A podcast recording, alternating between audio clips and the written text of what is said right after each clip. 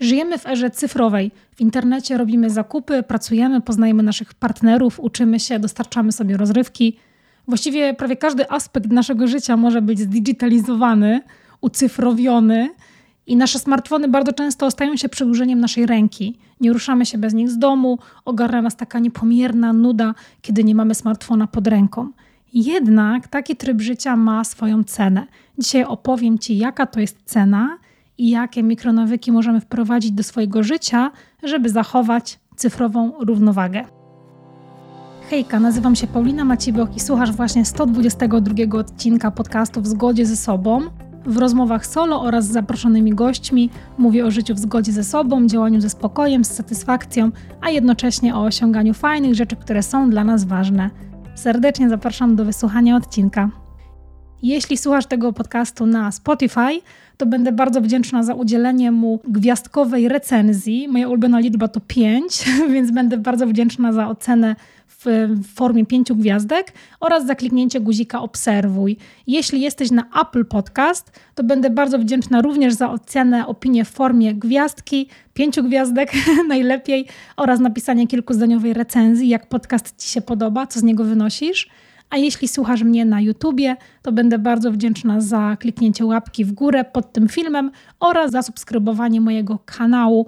Dzięki temu dostaniesz powiadomienia o nowych odcinkach. Zaczynamy oczywiście od polecenia książki. Dzisiaj polecam książkę, która, która jest bardzo ciekawą książką. Wspominałam już o niej bodajże tydzień temu w podcaście odcinka, ale nie mówiłam o niej za wiele. Dzisiaj chcę powiedzieć troszkę więcej o tej książce, którą przeczytałam w grudniu zeszłego roku. To jest książka Rafała Żaka, Rozwój osobisty, instrukcja obsługi. I jeśli miałabym poszukać, znaleźć jedną książkę, która w bardzo taki e, przejrzysty, naukowy sposób mówi, czym jest rozwój osobisty, czym ten rozwój osobisty nie jest, czym też się różni pomiędzy innymi metodami, można powiedzieć, e, takiego rozwoju, e, jakimi są na przykład mentoring, albo, albo jakieś szkolenia, albo jakieś treningi, to jest bardzo, bardzo ciekawe, że właśnie Rafał Żak w oparciu o różne źródła naukowe dokonuje takiej, można powiedzieć, klasyfikacji, ale y, mówi też o takich pułapkach rozwoju osobistego oraz o takich, można powiedzieć, czarnych stronach, czarnych dziurach, w które możemy wpaść, jeśli wchodzimy w ten taki obszar rozwoju osobistego. No bo oczywiście internet jest pełen y, różnych filmików pseudomotywacyjnych, od ludzi, którzy mówią ci, że wystarczy pstryknąć palcem i się zmienisz, co oczywiście nie jest prawdą. I jak się ustrzec przed właśnie takimi komunikatami, przed takimi treściami, które mogą wywołać w nas poczucie bycia jakąś niewystarczającą osobą, albo mogą obniżyć naszą taką motywację. Jak się przed nimi ustrzec, na co zwracać uwagę i jak podejść do rozwoju osobistego, żeby on był przeprowadzony w taki mądry sposób, ale też dopasowany do nas i przede wszystkim jak oceniać nasz rozwój. To znaczy, kiedy uznajemy, że dana treść, dany komunikat, dana osoba, co ważne, jest osobą rzetelną, jest osobą, której można ufać, w której można wierzyć, z którą ewentualnie można współpracować, od której można konsumować lub kupować treści. Więc to jest bardzo, bardzo ciekawa książka. Ja ją przeczytałam z bardzo dużym zainteresowaniem. Może tytuł nie jest zbyt taki, wiecie, medialny, ale naprawdę ją polecam. Rafał Żak zrobił świetną robotę i ta książka na pewno też jest super takim, super opcją dla takich niedowiarków i osób, które uważają, że rozwój osobisty to jest takie, wiecie, pseudo-coachingowe pierdololo, w którym mówimy, że możesz wszystko, sky is the limit, zmiana zadzieje się w twojej głowie w ciągu pięciu sekund, jeśli na to pozwolisz. Teraz trochę poleciałam, jesteś zwycięzcą itp., ale generalnie tak, to nie jest rozwój osobisty i dobrze znać tą różnicę, wytłumaczoną w taki ciekawy sposób, mądry sposób, y, z, ze wspomnieniem źródeł naukowych, ale też w humorystyczny sposób. Więc serdecznie tę książkę polecam. Oczywiście w opisie odcinka masz link do najniższej ceny tej książki w internecie. A teraz przechodzimy do tematu odcinka. Dzisiaj sobie gadamy o cyfrowej równowadze, o cyfrowej higienie i możemy ten termin kojarzyć z, z, konkretną zakładką w ustawieniach naszego smartfona. No, zakładam, że ta zakładka może być u niektórych troszkę zapomniana. Natomiast jeśli mnie słuchasz lub czytasz troszkę dłużej, to wiesz, że ja się czasem do tej, do tej zakładki odnoszę i często też nawet o niej mówię w podcastach, w newsletterach czy na moich szkoleniach. Ale słuchaj, no odwiedzenie tej zakładki w telefonie nie sprawi w magiczny sposób, że nagle nasze życie znajdzie się w takiej de facto cyfrowej równowadze. I chyba się wszyscy zgodzimy, że taką równowagę jest bardzo ciężko zachować, bo wiele aspektów naszego życia zahacza o internet i odbywa się w internecie.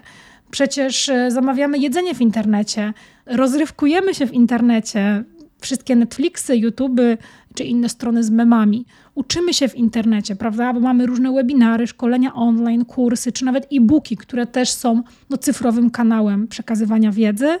Pracujemy oczywiście w internecie, zwłaszcza od no, już prawie trzech lat, no bo pandemia w 2022 pokazała nam, że da się pracować zdalnie i sporo biznesów może pracować zdalnie. No i słuchajcie, no ja sama jestem najlepszym przykładem tego, że bez internetu to ja sobie ewentualnie mogłabym spróbować swoich sił w radio, tak?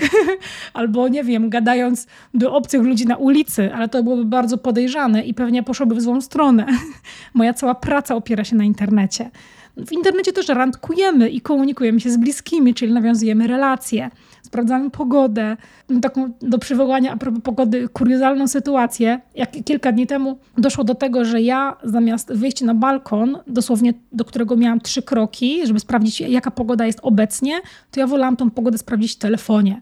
Więc nie jestem wyjątkiem od tej takiej cyfrowej nierównowagi, od tego zanurzania się w cyfrowym świecie i pewnie dla mnie, może też dla ciebie, pewnie dla większości osób y, smartfon bywa przedłużeniem naszej ręki i sięgamy po ten smartfon w każdym momencie życia, dnia, w każdym momencie nudy. Jak tylko poczujemy, że może właśnie to jest ten moment, kiedy zostajemy sam na sam ze swoimi myślami. I ciężko tą y, cyfrową równowagę po prostu jest nam zachować, i ja wcale nie jestem wyjątkiem od tej reguły. Na przestrzeni lat sporo zmieniłam w swoim życiu. Wprowadziłam różne nawyki, które pozwalają mi spędzać ten czas bez smartfona i oderwać się na chwilę na przykład od poczty mailowej, od ekranu komputera. I mogę powiedzieć z całą pewnością, że te nawyki, a właściwie mikronawyki, po prostu ratują mi dupę. Przed czym mi konkretnie ratują dupę i dlaczego ta cyfrowa równowaga, dlaczego uzdrowienie swojej relacji z byciem online jest tak bardzo, bardzo, bardzo ważne. Otóż, no badania nie kłamią, uzależnienie od internetu, od bycia online wpływają kiepsko na nasze zdrowie psychiczne, na nasze zdrowie fizyczne i ogólnie na taki e, subiektywnie pojmowany dobrostan. Im częściej jesteśmy pozbawieni ruchu, uważności na to, co nas otacza, i nie mówię tutaj o otoczeniu wokół naszego domu w Simsach, jeśli jesteśmy pozbawieni świeżego powietrza, prawdziwych relacji, takich na żywo, a nie tylko wirtualnych, tym większe prawdopodobieństwo doświadczenia takich objawów jak zwiększony niepokój, lęk, objawy depresji, poczucie bycia niewystarczającą osobą, że też oczywiście nie wspominając o objawach fizycznych, takich jak ból e, nadgarstka, ból głowy, napięcie mięśni, czy nawet wyższe ciśnienie krwi. I warto też wspomnieć o takim specyficznym, ale bardzo niebezpiecznym kawałku cyfrowego świata, jakim są media społecznościowe, które zaprojektowane są dokładnie w taki sposób, żeby pożerały naszą uwagę, żebyśmy jak najdłużej w tych social mediach, w mediach społecznościowych klikali, scrollowali, odświeżali i te mądre skurkowańce, te media społecznościowe uczą się tego, co my lubimy, na co poświęcamy ruch naszych gałek ocznych, ruch naszego palca, w co klikamy. No i serwują nam cały czas takie treści, które są do nas bardzo dopasowane i wpadamy w tych mediach społecznościowych w taki dopaminowy cykl nagrody, ciągle łakniemy kolejnego lajka, jeszcze nowszego newsa, kolejnego update'u od znajomego, który jest na wakacjach, czy nowej relacji na Instagramie, która w taki zachęcający sposób świeci na górze ekranu z taką, wiadomo, kolorową otoczką wokół zdjęcia konta, które obserwujemy. I nasz, nasz umiejscowiony w mózgu ośrodek nagrody po prostu ostrzy sobie pazurki a my się chwilę rozkoszujemy wyrzutem dopaminy, gdy zobaczymy, że o kurde, no news życia, Henry Cavill odchodzi z Wiedźmina. Natomiast y, media społecznościowe niosą za sobą jeszcze takie jedno niebezpieczeństwo, o którym warto wspomnieć, o którym ja już kiedyś wspominałam w którymś odcinku podcastu, mianowicie porównywanie się. W mediach społecznościowych widzimy no, dosłownie czasem tylko 15 sekund z całej doby osoby, która decyduje nam się te swoje 15 sekund pokazać, no i bierzemy te 15 sekund i bardzo często porównujemy to do całego swojego życia, całego swojego dnia. I doświadczamy również bardzo negatywnych symptomów, czy objawów, czy skutków takiego porównywania się E, jak już wspomniane, objawy depresji, przygnębienie, demotywacja do jakiegokolwiek działania, spadek poczucia własnej wartości, spadek poczucia własnej skuteczności, mamy takie wrażenie, że, że te 15 sekund świadczy o tym, że to wszyscy wokół robią więcej niż ja, szybciej niż ja, lepiej niż ja. I, no i przez to, e, to poczucie własnej skuteczności może spaść. I jeśli myślicie, że, że ja tak się tutaj wymądrzam, a mnie te problemy nie dotyczą, to się grubo mylicie, bo ja sama czasami, a w sumie od kiedy opuściłam etat i rozwijam swój biznes, to bardzo często wpadam w takie błędne koło porównywania się, bo tutaj ktoś ma lepsze zasięgi, tutaj ktoś jest dalej w swoim biznesie niż ja, a ja jestem takim nubem, tutaj ktoś ma lepsze pomysły niż ja, ktoś ma lepsze rolki, a ja po prostu się spinam z móżdżem i mi nie wychodzi. I tylko ja wiem oczywiście, w jaki podły nastrój ja wpadam, kiedy takie porównywanie się zaczyna się po prostu nakręcać w mojej głowie, w taki kołowrotek myśli. Dlatego ja na pewnym etapie życia wprowadziłam takie mikronawyki, które mają mi pomóc zachować cyfrową równowagę, ale też dzięki temu psychiczną równowagę i emocjonalną równowagę. I ja uważam, że uzdrowienie relacji z ekranami jest kluczowe dla naszego zdrowia psychicznego, fizycznego, dla naszych relacji z ludźmi, takich prawdziwych relacji, oczywiście, nie wirtualnych, dla naszego dobrostanu, dla naszego poczucia skuteczności, poczucia sprawczości a także jest bardzo ważne, żebyśmy świadomie zarządzali swoimi zasobami, swoimi nieodnawialnymi zasobami, jakimi są uwaga, energia i czas. Bo jeśli nie będziemy zarządzali nimi świadomie, to tak naprawdę no, będą one rozporządzane bez w ogóle naszego udziału, bez naszej decyzji, bez naszej woli. Dlatego mam dzisiaj dla Ciebie listę 10 mikronawyków, które pomogą Ci zachować cyfrową równowagę lub chociaż powolutku się do tej równowagi zbliżać. Niektóre z tych mikronawyków wykorzystują stare jak świat reguły psychologiczne, natomiast niektóre są możliwe dzięki innym cyfrowym narzędziom, taka ironia losu. Więc pamiętaj tylko proszę, że nie musisz stosować myślenia tutaj 100% albo nic, więc weź zasadę, która najbardziej z Tobą rezonuje, taką, która wydaje Ci się najbardziej przydatna w Twoim konkretnym przypadku. Przetestuj tę zasadę, sprawdź, jak działa u Ciebie, zobacz, czy czujesz większy spokój, zobacz, czy dzięki tej zasadzie, temu mikronawykowi odzyskujesz trochę czasu, trochę skupienia. I prawdą jest, że nie ma w życiu nic za darmo. No i wewnętrzny spokój to jest ta cena, którą my płacimy za nadmierne bycie online no ale mam taką szczerą nadzieję, że dzięki tym mikronawykom, o których dzisiaj powiem, będziesz w stanie trochę tego spokoju sobie odzyskać. I dlaczego w ogóle mikronawyki, a nie na przykład nawyki? Dlatego, że nawyki wydają się takim słoniem, którego trzeba po prostu pokonać, obejść, przeskoczyć, zjeść i wydają się takie czasochłonne, wysiłkochłonne. Natomiast mówię o mikronawykach dlatego, że nie potrzebujesz tych mikronawyków, o których powiem, budować latami, wzmacniać, powtarzać tysiące razy.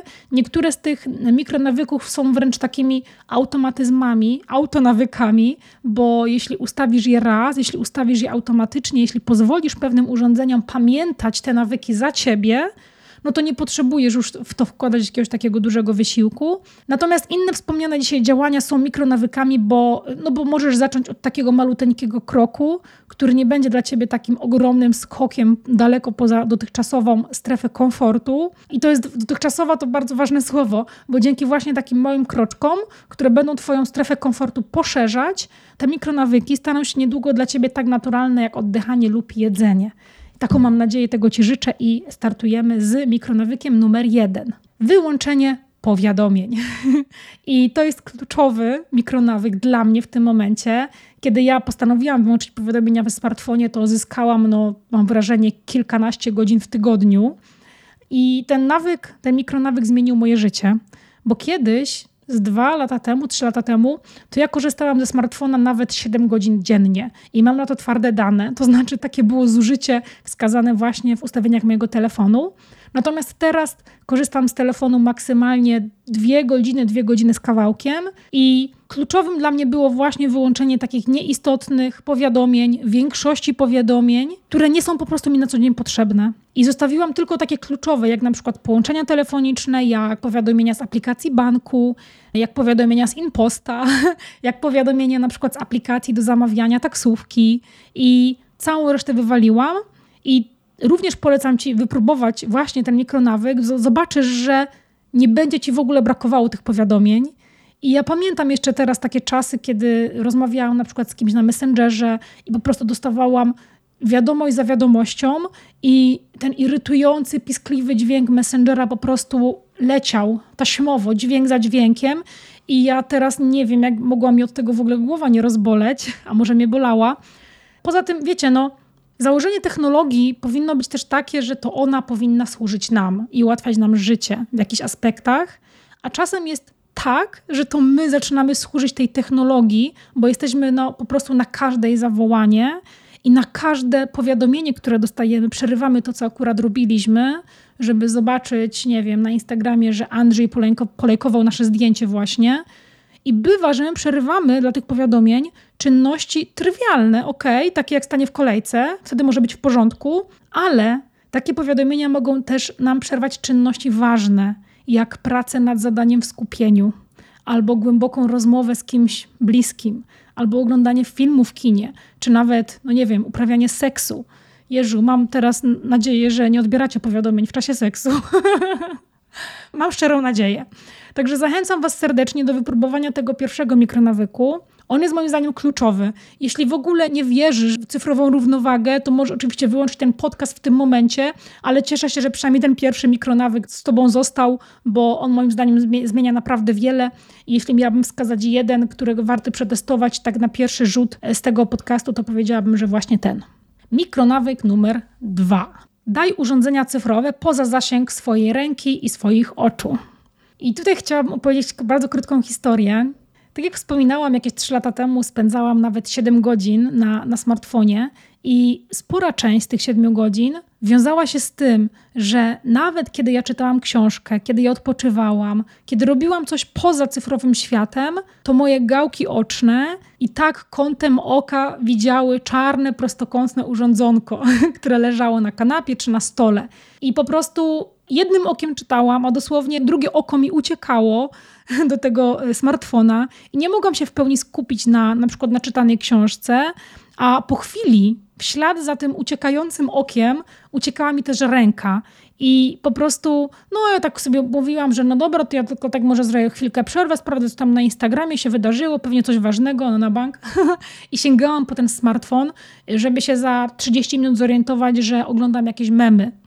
I ja tutaj bardzo mocno wierzę w zasadę co z oczu, to z serca. Z angielskiego bardzo podobnie brzmi, bo out of mind, out of sight, a właściwie out of sight, out of mind.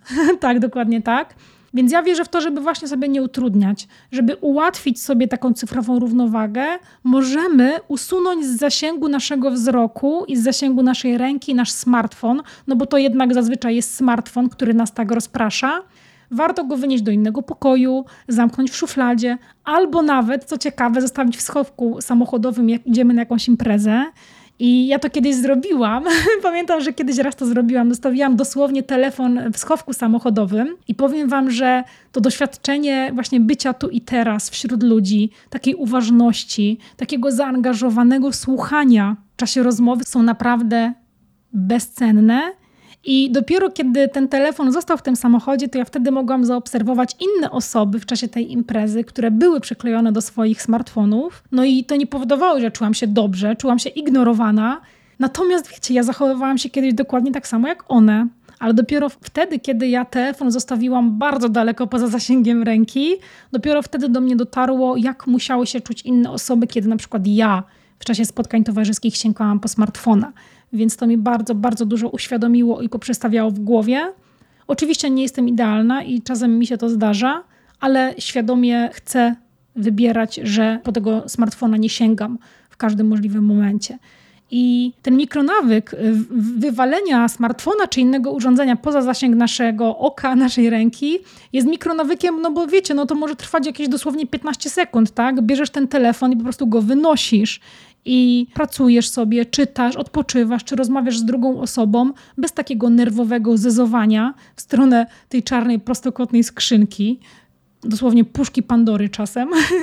I zobaczysz, że jeśli wypróbujesz ten nawyk, to zobaczysz, jak to bardzo pomoże ci też w trenowaniu uważności, w przeżywaniu momentów, chwil, które są w naszym takim doświadczeniu, w naszym życiu, pogłębianiu relacji z bliskimi w czasie na przykład wspólnych posiłków, w czasie odpoczynku, w czasie rozmowy, bez przyklejania się do smartfona i zobaczysz, jak też pomoże Ci to w skupieniu, zwłaszcza w pracy. Oczywiście pod warunkiem, że po ten telefon nie będziesz chodzić, tak? I warto ten nawyk ten mikronawyk rozbudować też o taki harmonogram i zasady korzystania z różnych cyfrowych urządzeń.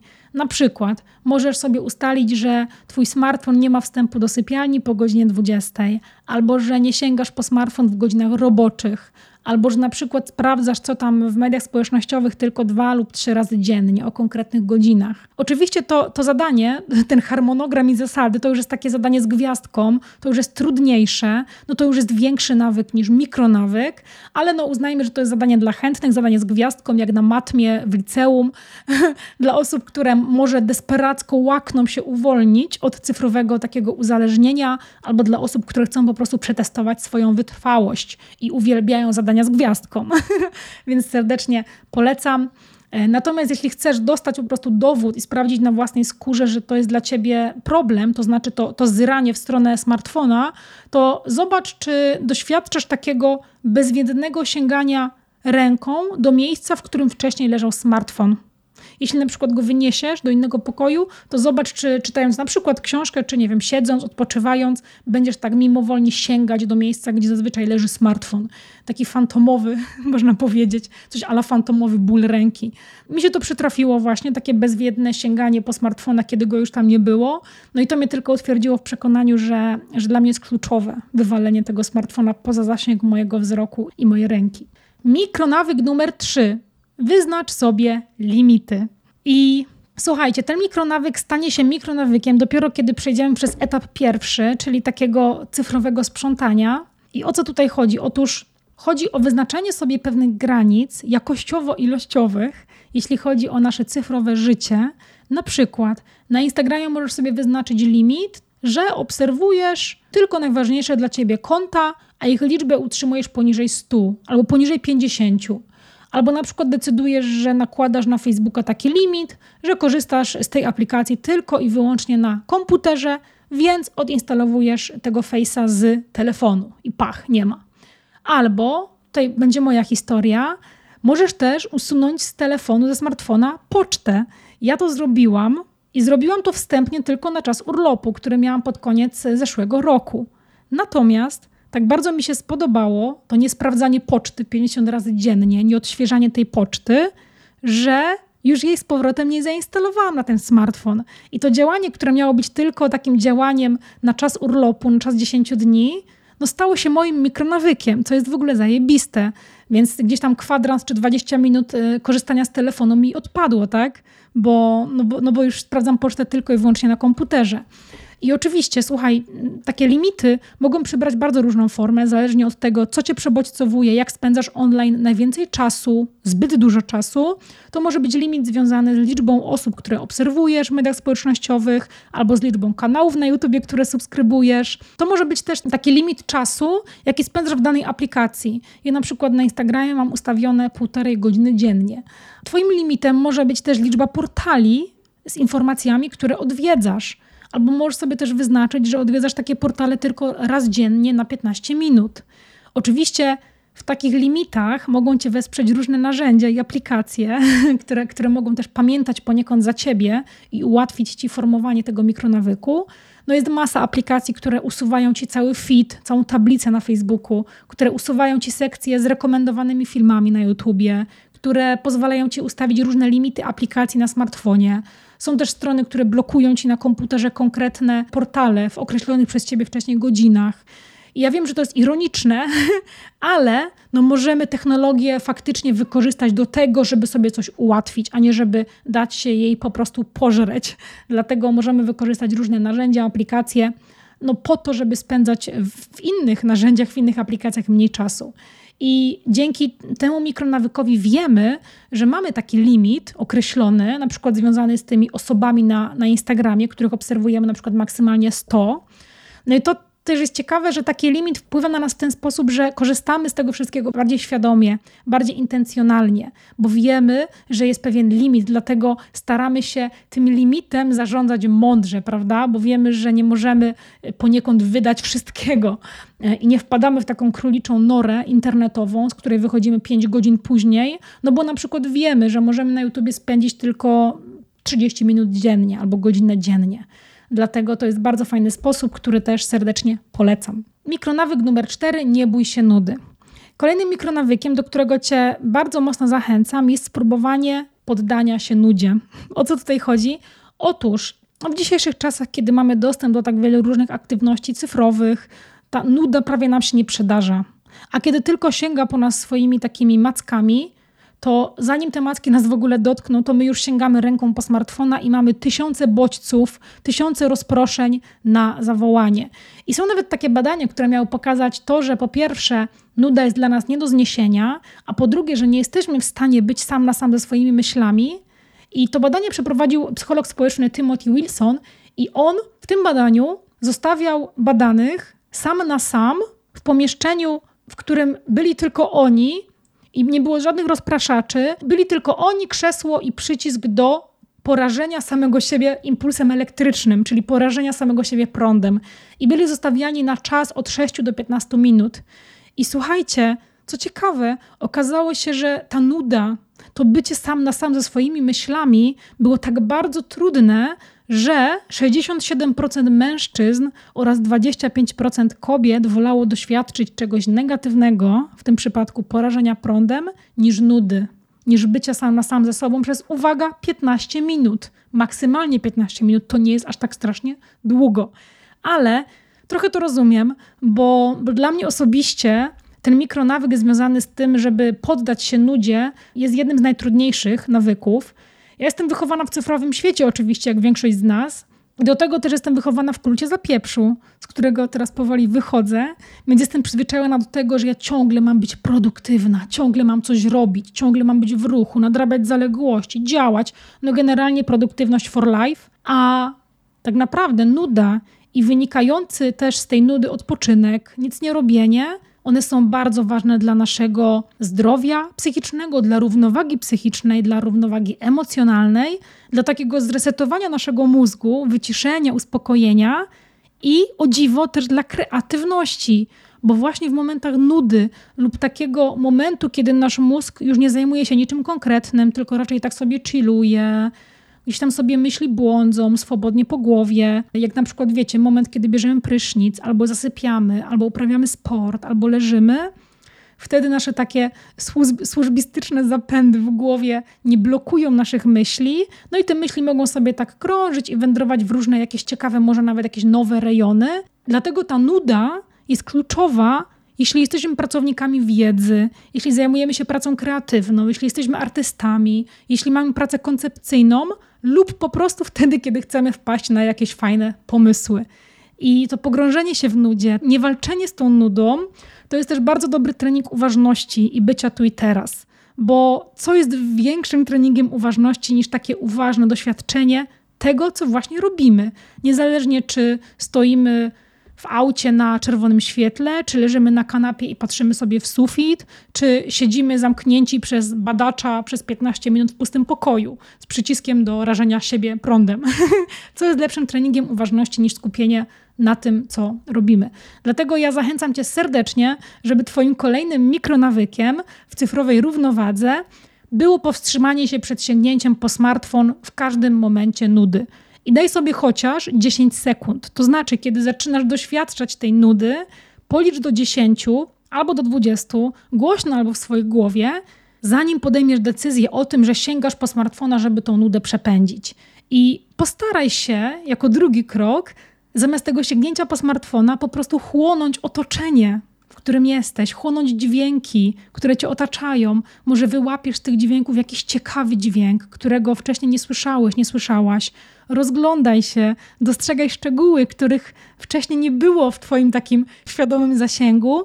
Skupcie też na swoich myślach. Możesz się przyjrzeć temu, o czym myślisz, dlaczego o tym myślisz, albo może świadomie zawędruj myślami w jakimś kierunku. Może chcesz pomyśleć o swoich wartościach, albo może chcesz pomyśleć o na przykład tym, co jest dla ciebie ważne, albo dlaczego to jest dla ciebie ważne, albo jak możesz swoje wartości realizować w codziennym życiu. I jestem bardzo ciekawa, jak ta, ta technika się dla ciebie sprawdzi i co ci w ogóle to da, i jak się przede wszystkim poczujesz po tym, gdy faktycznie tej nudy tak świadomie doświadczysz. I możesz się ze mną podzielić swoimi wnioskami na Instagramie albo w wiadomości prywatnej. Będzie mi bardzo miło zobaczyć, y, jak to się dla ciebie sprawdziło. Natomiast ta niechęć do nudy wiąże się też z takim pojęciem, które nazywa się FOMO. Pojęcie jest to oczywiście akronim od słów Fear of Missing Out, czyli strach przed przegapieniem czegoś. I to FOMO nazywa się y, często tak potocznie chorobą cywilizacyjną naszych czasów bo to poczucie, że coś nas omija, że gdzieś tam w internecie, w online, w mediach społecznościowych dzieje się coś ważnego, a ja nie jestem częścią tego, możemy powiedzieć, że to jest dość normalne dla sporej części z nas, bo to zjawisko wiąże się z psychologiczną potrzebą poczucia przynależności, poczucia bycia częścią grupy, bycia częścią dyskusji, bycia częścią ważnych wydarzeń. A przecież te ważne wydarzenia, mamy takie wrażenie, mogą dziać się w sieci. I przecież my się o nich nie dowiemy, jeśli nie będziemy cały czas online. Natomiast w takim momencie warto sobie zadać takie dwa pytania. Po pierwsze, co ja tak naprawdę przegapiam? Czy ja przegapiam jałową dyskusję w internecie? Czy ja przegapiam na przykład rozmowy na żywo z bliską osobą? A drugim pytaniem, które warto sobie zadać, jest, co ja świadomie chcę przegapić bo nie możemy być w dwóch miejscach naraz, nie da się być wszędzie, musimy iść na pewne kompromisy, natomiast to my możemy świadomie ten kompromis wybrać. My możemy wybrać, co przegapimy, a jeśli my świadomie podejmiemy decyzję, że my chcemy przegapić tą jałową dyskusję w internecie, a zamiast tego skupić się na rozmowie z bliską osobą, no to FOMO nie będzie nas dotykać bo to my podjęliśmy świadomą decyzję. Nic nas nie omija, po prostu my wybraliśmy, czego nie będziemy w danym momencie doświadczać. Mikronawyk numer 5 to jest tak zwana lista awaryjna. I ten mikronawyk może ustrzec cię przed momentem, kiedy po prostu sięgasz po smartfona lub zanurzasz się w cyfrowym świecie, kiedy jesteś przemęczony albo przemęczona. I są takie momenty, kiedy nasze paliwo mentalne po prostu szoruje po ziemi, jest tak wyczerpane, że jedyne czego chcemy to bezrefleksyjne scrollowanie smartfona. I komu się nigdy nie przytrafiło, niech pierwszy rzuci kamień. Czekam, czekam na kamienie. Widzę, że nie mam żadnego kamienia pod nogami. Każdemu się przytrafiło w momentach dużego zmęczenia psychicznego, fizycznego, że sięgamy po tego smartfona i się zanurzamy w tej bezrefleksyjnej rozrywce. I to jest oczywiste, że kiedy jesteśmy zmęczeni, to szukamy takiej prostej rozrywki, która da nam taką szybką, dopaminową nagrodę, ale jeśli chcesz iść w stronę cyfrowej równowagi, to zachęcam Cię do zrobienia, nawet tuż po wysłuchaniu tego odcinka, listy awaryjnych zajęć, awaryjnych czynności, awaryjnych wyborów, które możesz podjąć, które możesz wdrożyć, kiedy Twój poziom zmęczenia, czy to psychicznego, czy to fizycznego, czy to decyzyjnego, po prostu sięga zenitu. I warto tutaj oczywiście mierzyć siły na zamiary i nie wrzucać na taką listę przebiegnięcia maratonu.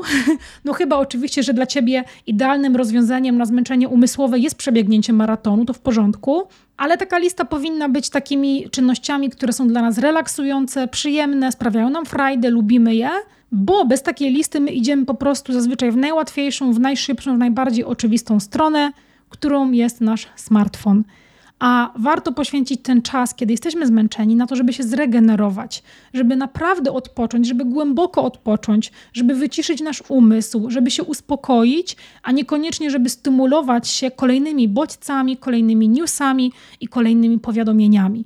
Dlatego polecam zbudować taką indywidualną listę awaryjną na ten moment, kiedy czujesz e, duże zmęczenie i na przykład, żeby Cię zainspirować, na mojej liście znajdują się takie czynności jak pójście spać, i to jest mój ulubiony wybór, kiedy jestem bardzo zmęczona, bo to oczywiście też najlepsza regeneracja.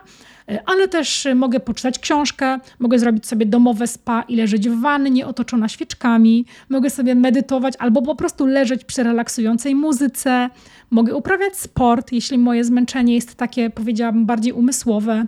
Mogę też trenować uważność poprzez pełne skupienie się na czynnościach, które właśnie robię, na przykład, nie wiem, mycie talerza, prowadzenie samochodu albo leżenie na kanapie. Mogę też kolorować, co ostatnio bardzo hobbystycznie i z pasją robię. W ostateczności mogę też obejrzeć film, no, który jest pewnym takim, można powiedzieć, cyfrowym bodźcem. Natomiast jeśli my go oglądamy świadomie, żeby obejrzeć po prostu dobry kawałek kina, w sumie czy to będzie film ambitny, czy to będzie odmurzacz. Jeśli po prostu chcemy obejrzeć film świadomie, to w porzo. Może bardziej film niż YouTube, no bo na YouTubie to znowu wpadamy w tą taką pętlę oglądania wszystkiego, co nam YouTube podrzuca, więc po pięciu godzinach możemy się zorientować, że oglądamy jak kod jeździ na odkurzaczu. Dlatego bardziej chodzi o jakiś świadomy wybór związany z jakimś filmem czy serialem.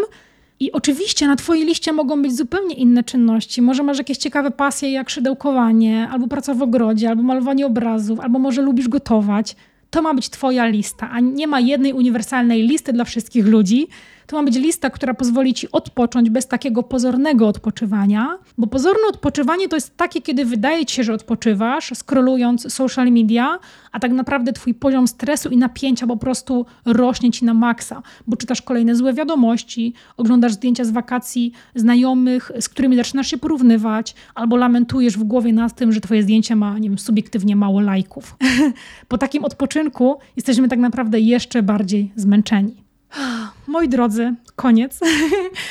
tak naprawdę takich nawyków, mikronawyków, które można zastosować w obszarze swojego cyfrowego dobrostanu jest naprawdę, naprawdę dużo, ale ja uważam, że skupienie na tych pięciu, o których powiedziałam i wprowadzenie chociaż jednego z nich w życie naprawdę da kolosalną zmianę. Zmianę związaną ze zwiększonym poczuciem spokoju, z wyciszeniem, ze zwiększeniem umiejętności skupienia się, takiego, takiej uważności, zmianę związaną również z lepszymi relacjami z ludźmi, z mniejszym niepokojem, stresem, lękiem. Jest tutaj naprawdę bardzo dużo korzyści i ta cyfrowa równowaga jest ważna już teraz, a będzie coraz ważniejsza, bo cyfrowych bodźców, kanałów, aktywności wokół nas robi się tylko coraz więcej. I nadejdzie kiedyś taki moment, że cyfrowa higiena będzie dla nas tak samo ważna jak higiena osobista, na razie jednak mam takie wrażenie, że raczej częściej się myjemy, niż tak świadomie dbamy o higienę cyfrową. Pamiętaj równocześnie, żeby te wspomniane mikronawyki, moje albo inne, stosować z taką wyrozumiałością dla siebie, bo nie od razu Rzym zbudowano i warto dać sobie czas, dać sobie przestrzeń, dać sobie taką wyrozumiałość, żeby wprowadzać te mikronawyki w życie i warto również olać zasadę 100% albo nic. to znaczy, raz ci się uda wykonać ten cyfrowy mikronawyk, a raz ci się nie uda. I takie jest życie. Grunt to jest nie poddawać się, nie przejmować się jakimiś potknięciami i wytrwać w tych takich cyfrowych postanowieniach, no i stosować po prostu je systematycznie i wracać do nich nawet kiedy przez jakiś czas sobie bardziej pofolgujemy w tym cyfrowym świecie. I Twoja głowa i Twoje ciało będą Ci bardzo wdzięczne za taką cyfrową higienę.